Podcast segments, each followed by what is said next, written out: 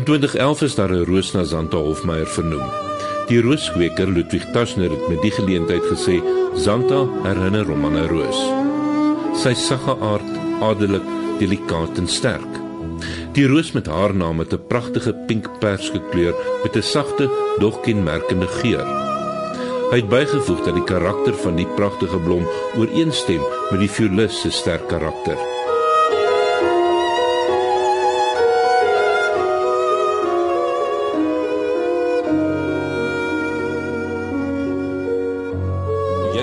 Baie vroeg baie groot werke gespeel. Ek dink dit was die Wieniawski konserto wat ek uh, met die Johannesburg Sinfonieorkes gespeel het, uh, die eerste beweging daarvan uh, toe ek 14 was. En ehm um, voor dit het ek 'n Haydn konserto gespeel toe ek 12 was en en dit was ongelukkig 'n fout geweest. Uh, ek dink uh, dit was te vroeg te 'n groot werk vir vir my standaard van spel op daai stadium.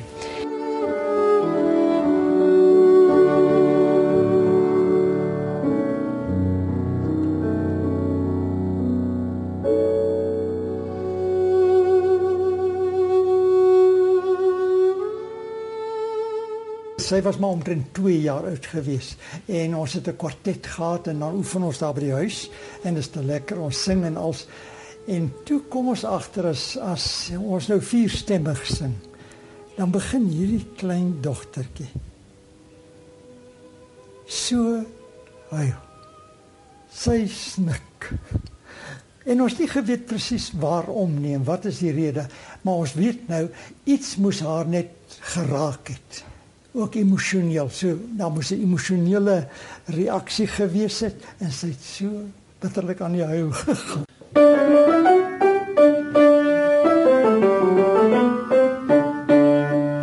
Dominee en mevrou Hofmeyer is albei musikaal. Waar hulle vandag in 'n aftreeoord woon, speel hulle nog gereeld sommer vir die plesier daarvan duette saam.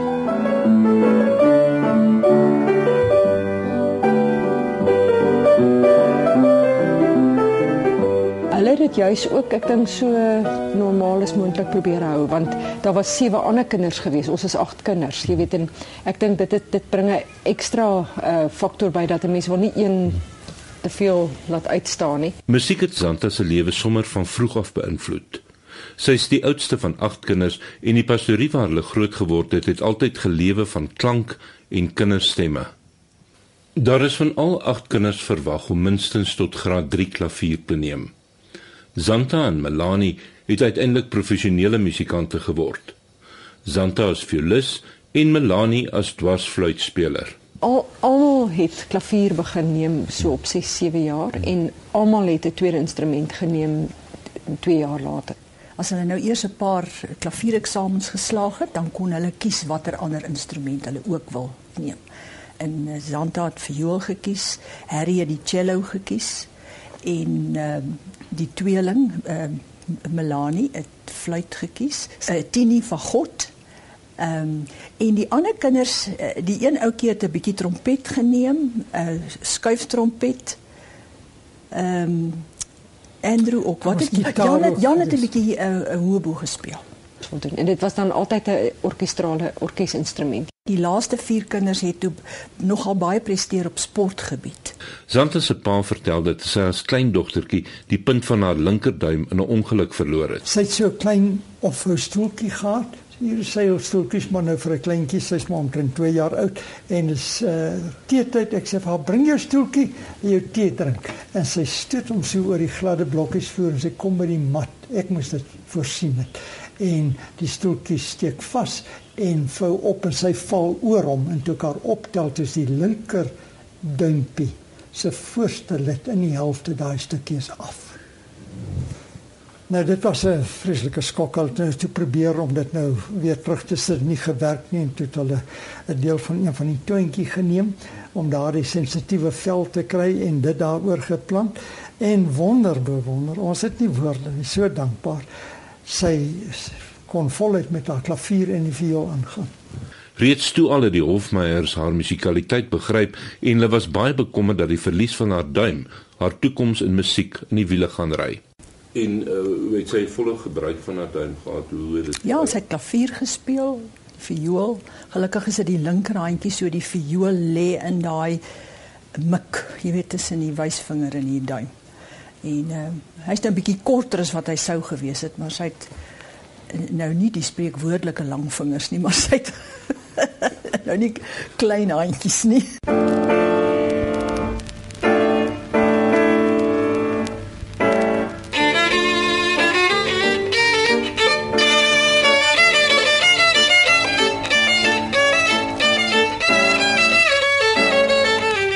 Zanta het reeds op laerskool uitstekend viool gespeel.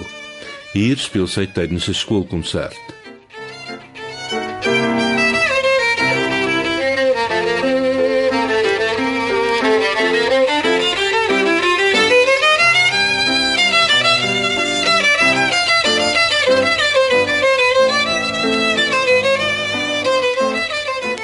As kind het sy ook 'n pragtige musikale singstem gehad en sy is ook gereeld gevra om op te tree.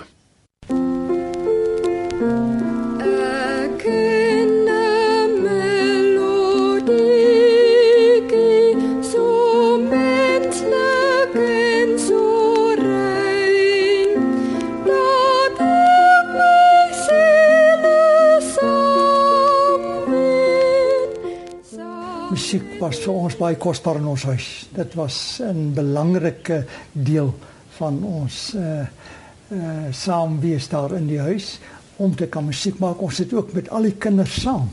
Hulle uh, die, die hele klomp en dan het ons 'n soort van orkesie aan die gang gehad. Wel ten minste met die eerste 4, né? Nee. Was jy streng met hulle oor oefen geweest? Is dit 'n as as mense in so 'n musikale huis groot word, is oefen belangrik? Natuurlik ja, nee, as jy musiek neem en jy nie oefen nie, moet jy liewer dit los. Ja, die die uh, daar daar's 'n dissipline wat daarin kom en daar is 'n sekere stadium in die ontwikkeling van eh, 'n uh, kind uh, wanneer hy of sy nou besig is met klavier of wat ook al dat uh, die dissipline moet inkom. Dit is nie so lekker al dit klink nog nie so mooi nie. Jy moet net hard werk. En moet ek sê wat Santa betref, het ons nie veel um, hoef te gedoen het nie. Sy het eenvoudig net uh gespeel en geoefen uh meer as wat uh, ons soms amper gedink het is nodig. Uh sy het dit duidelik geniet en dit was absoluut haar belangstelling. Melanie natuurlik ook met die fluit, uh Rien uh, met die met die uh cello en Tini met die fagot. Hulle het almal maar het wat dit betref was sy redelik uh selfgemotiveerd geweest. Hoe hoeveel het jy geoefen? Toe ek begin het met viool in my eerste jaar, mm -hmm. het ek dit maklik gevind. So dit het vir my begin lyk like, asof ek nie eintlik veel hoef te oefen nie want ek kry alles reg. Ek het so 'n halfuur elke week net voor die les gego geoefen vir my vioolles. En toe op 'n dag uh, is daar 'n besoeker in my les wat wat na uh, wat na my onderwyseres se leerlinge kom luister het. En met groot opwinding vra my onderwyseres vir my Vertel vir ons, hoeveel oefen jy per dag? nou sy het nie geweet ek oefen so min nie. Uh ehm um, en ek begin toe bewend huilend sê want ek besef toe dis nou die oomblik van waarheid hierdie en ek het geweet ek gaan in die moeilikheid wees. Toe sê ek ehm um, so onder my asem sê ek halfuur per week. jy weet en sy Het dit toe verander? Ek bedoel, het jy toe oh, Ja, nee, ek kyk, ek was ek het die hele dag gehuil oor hoe sy met my geraas het. en, en op daai oomblik het ek besef nooit weer gaan my lewe dieselfde wees nie. Maar uh, daai vakansie, sy sy sy het 'n bietjie sterk streng met my geraak, die onderwyseres hmm. en in in retrospek is dit 'n baie goeie ding wat gebeur het want sy sê toe vir my en in die vakansie gaan jy minimum 4 na 6 ure gaan jy per dag oefen. En uh, ek en 'n vriendin, 'n uh, pianis Anneke Lamont, ons het op naweke bymekaar gekuier. Dan oefen ons 10 ure op 'n Saterdag. ons het skielik mekaar ontdek as ja. twee mense wat dieselfde doelwitte het. Maar jy, ek hoop jy het 'n aparte musiekkamer want dit seker ja. gesind teen die muur uit. ja. Ek het ek het in my pa se studeerkamer wat aan die ja. einde van die huis verste punt geleë was, het ek geoefen. Jy weet, en dit was diep in die nag ingeoefen. Dit was gedurende 'n vakansie wat sy die heel dag baie geoefen het. En hier by 12:00 die aand toe gaan ek daar in die studeerkamer in waar sy geoefen het en ek sê vir haar: "Haai my kind, jy kan regtig nou nie meer iets inneem nie. Dis laat jy moet nou gaan slaap." En toe het sy my nou nie geantwoord nie. Sy het net opgewonde vir my gesê: oh, "Luister net hier nou." Sy's ook baie jonk oor seun net na matriek. Ja, sy was nog 17 toe sy hier weg is.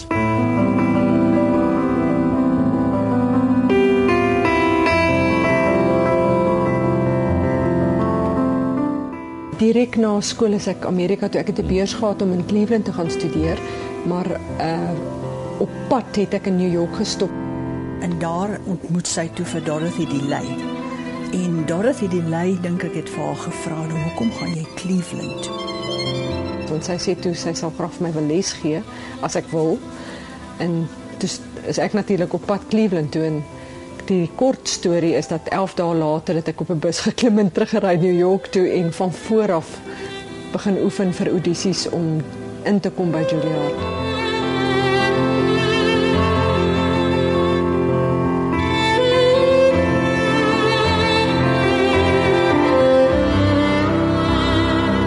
Bietjie deur daai audisie. Dit is Ja, dis die mees onaangename ervaring vir enige musikant dink ek. Uh dis dis nie uh hoe sal ek sê? Dis dis nou nie die gemaklikste plek om in te staan nie, maar jy moet dit doen, veral as jy jonk is. Dis al hoe jy inkom by skole, by orkeste, by kompetisies. Dit is 'n audisie.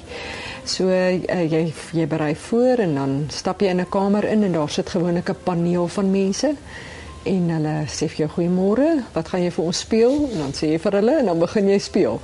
Ehm um, nou by Juilliard was dit vir my veral baie eh, stresvol geweest want ehm um, daar was een ehm um, vioolonderwyser wat ons het geweet hy doen dit, maar selfs al weet jy dit gaan gebeur, het, jy, jy wag amper daarvoor. As jy begin Bach speel, dan begin hy so maak. wat 'n rede. weet nie, ek, ek weet nie hoekom hy dit gedoen het nie. Dit dit was iets verskrikliks. En jy weet jy's al klaar so gespanne nou. Uh gelukkig, dis nou waar daar is die delay so fantasties was want sy het daar gesit. So gemaklik en sy het net 'n groot breë glimlag op haar gesig gehad.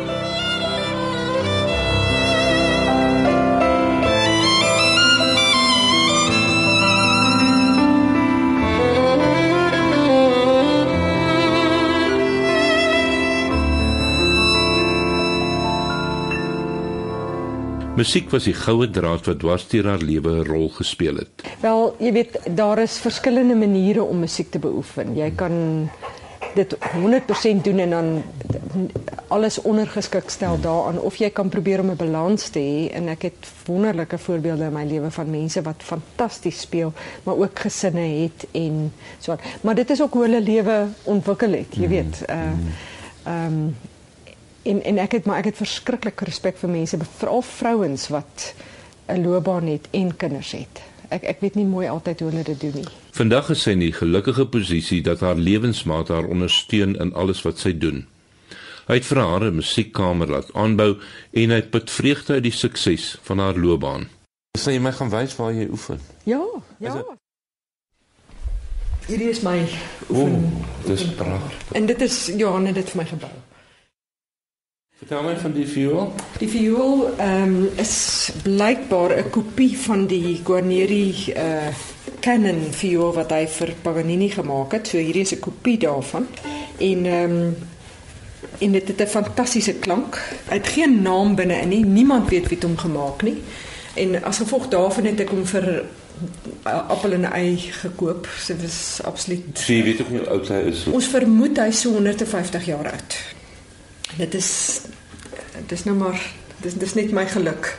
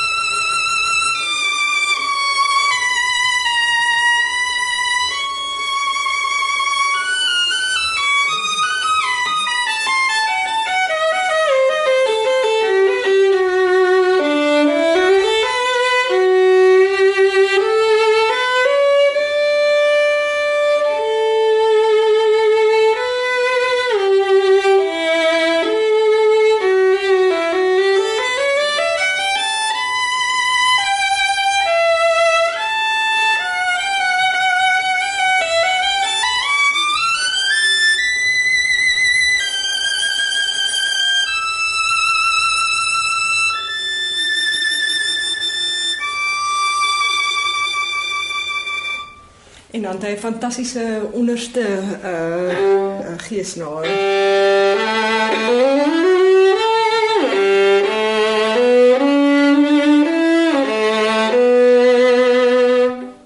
Ek kan hoor baie ryk klank. Ek hou hom altyd self vas. Niemand dra my viool nie.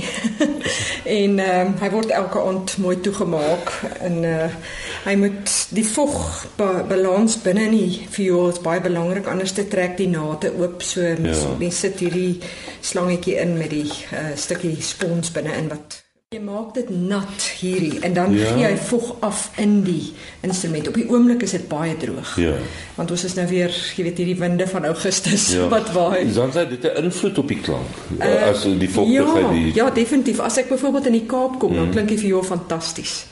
Want die vogtigheid daar vind ek is nogal perfek uh veral as jy so in Stellenbosch is.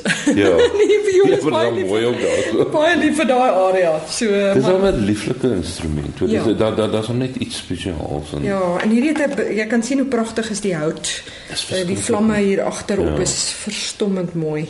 En ehm um, dis tog 'n groot viool ook. Hy's uh, dikwels uh, vra mense my hoekom is hy so groot want Ja. hy, hy het 'n bietjie groter afmetings as dit as meeste ander viole. Ehm um, maar ja. en waar het jy hom gekoop? In New York.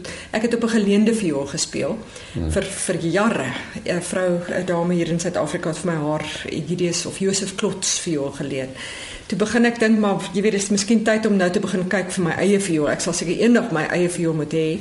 En uh, toe stap ek die die eerste persoon wat na wie ek gaan was David Siegel want hy het altyd my viool reggemaak. Ek en ek sê vir hom het jy dalk 'n viool wat nou ek kan kyk? Want ek my idee was om 'n klomp viole uit te probeer om uit te vind waarvan hou ek want ek het nog nooit self 'n keuse gehad nie. So ek moes Ja. uh my oor ontwikkel om te sien, weet, wat is daar en waarvan hou ek. En dit's die eerste viool wat hy vir my gee. toe ek op hom speel, toe dink ek, "Oeh, wonderlik, klank is fantasties." En so ja. net daarna stap die eh, konsertmeester van die New York Philharmonic, Glenn Digterou, daarin en hy sê, "Oh, what's that?" En uh, David sê, "We don't know. What do you think it is?" Hy sê, "Well, it sounds like a Guarnerius." En ek dog, "O, oh, hemel, jy weet, ek wil nie eers raak aan 'n Guarnerius nie, want ek sal nooit dit kan Ja. bekostig nie." En ehm um, toe wil hy dit net daar en dan koop. En uh, toe sê David, "Well, I'm afraid she walked in here 5 minutes before you, so I suppose she has the first option." Jy weet toe, toe word ek onmiddellik in 'n situasie geplaas waar ek nou moet besluit wil ek hierdie viool koop of nie. Ja, en jy's 'n student nie, jy het nie geld. Presies. Ja. Ja. ja, en uh, toe hardloop ek letterlik met die viool. Ek sê toe vir David, "Oké, okay, gee my 'n dag." En ek gaan na uh, my onderwyseres Dorothy Delay. Ek sê vir haar, "Miss Delay, I don't know what to do. I I, I just found this violin and, and I have to decide whether I want it or not." Jy weet, my was heeltemal oorweldig en sy was wonderlik. Sy het onmiddellik 'n paar van haar studente gevra om te kom met hulle goeie instrumente en mm. hulle dit gaan vergelyk met hierdie ene terwyl ek en sy in die Alistalie saal sit, een van die konsertsale daar. Mm. En ehm um, hierdie kon hierdie viool het net uitgestaan bo die ander. Toe sê sy vir my wel vir hierdie prys, hy het maar 4500 dollar gekos. Uh vir hierdie prys sal jy nêrens so 'n goeie mm. instrument kry nie. En as sy vir my raad gee, sou sou sy sê koop onmiddellik. Maar dit is belangrik om 'n goeie viool te hê. Baie. En daai middag bel ek my pa. Ek sê pa, kan ons iewers geld leen? ek moet 'n viool Ja. koop. Ja, en uh, En toe toe, toe nou kon hy toe kry ons iemand wat die geld aan my geleen het. Ek het dit later terugbetaal toe ek klaar studeer het. Ek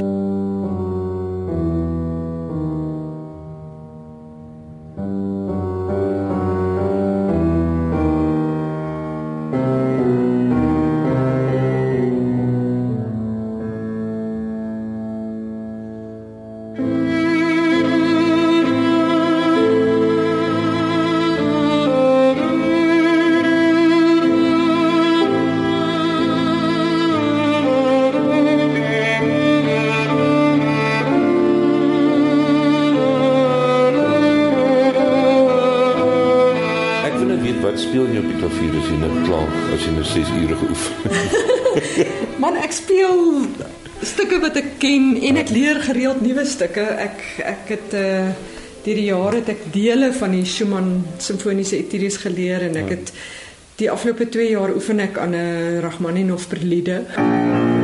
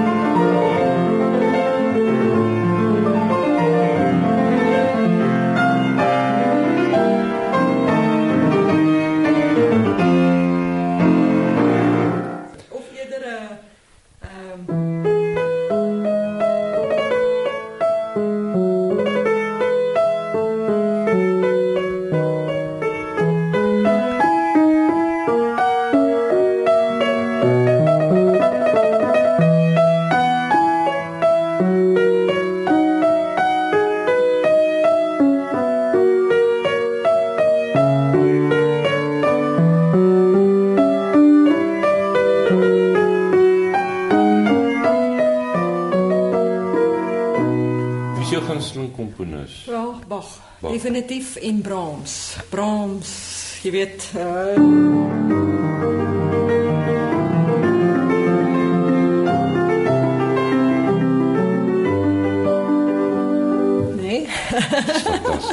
ja, nee, ek's mal oor en uh, Rachmaninov ook. Ek begin nou vir die eerste keer bietjie na Rachmaninov kyk. Dit is natuurlik mens moet eintlik 'n baie goeie pianis wees om dit te kan speel.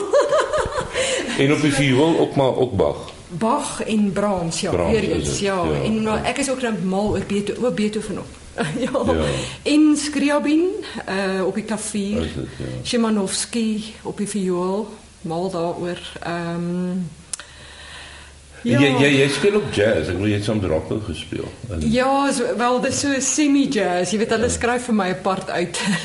so dis dan nie 100% jazz nie, maar dit dit klink ja. darm soos jazz. Uh met Charles de Plessis ook het ek mos 'n uh, ja. serie gemaak.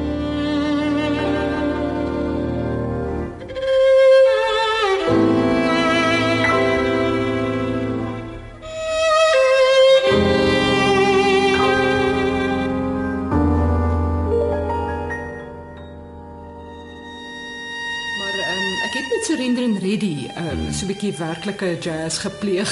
Hy het 'n stuk gespeel uh, geskryf vir my. Ehm um, uh, homage to Bach. Hmm. En dan was daar 'n hele deel wat ek moes werklik improviseer. Hy het net vir my gesê improvise. die eerste keer was ek in 'n skok toestand.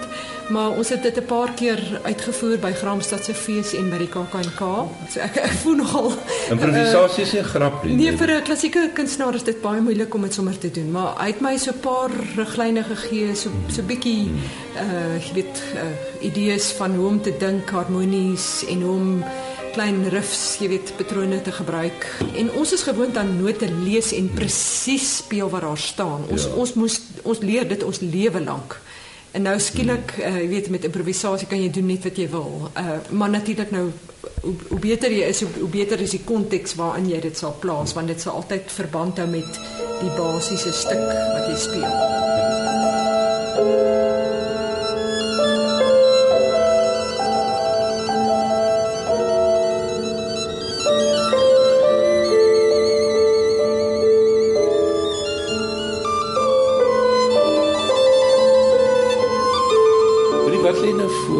wat is nou Ehm um, op hierdie stadium is ek baie bewus van die voorreg om gesond te wees om te kan speel. Jy mm. weet en dat dat dat dat ek in 'n situasie is waar ek baie kan speel, kan les gee, mm. waar ek my beroep kan beoefen na vrye keuse en mm. jy weet uh en so ek probeer soveel as moontlik daarvan doen. Dis al. Ek probeer dit vier om te kan ja. om te kan lewe en om te kan speel.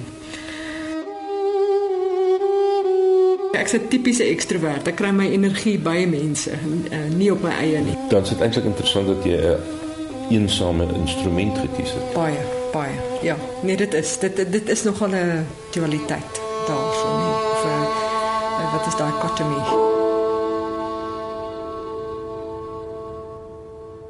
Die kuier by Zanta is versorg deur Wynand Dreyer.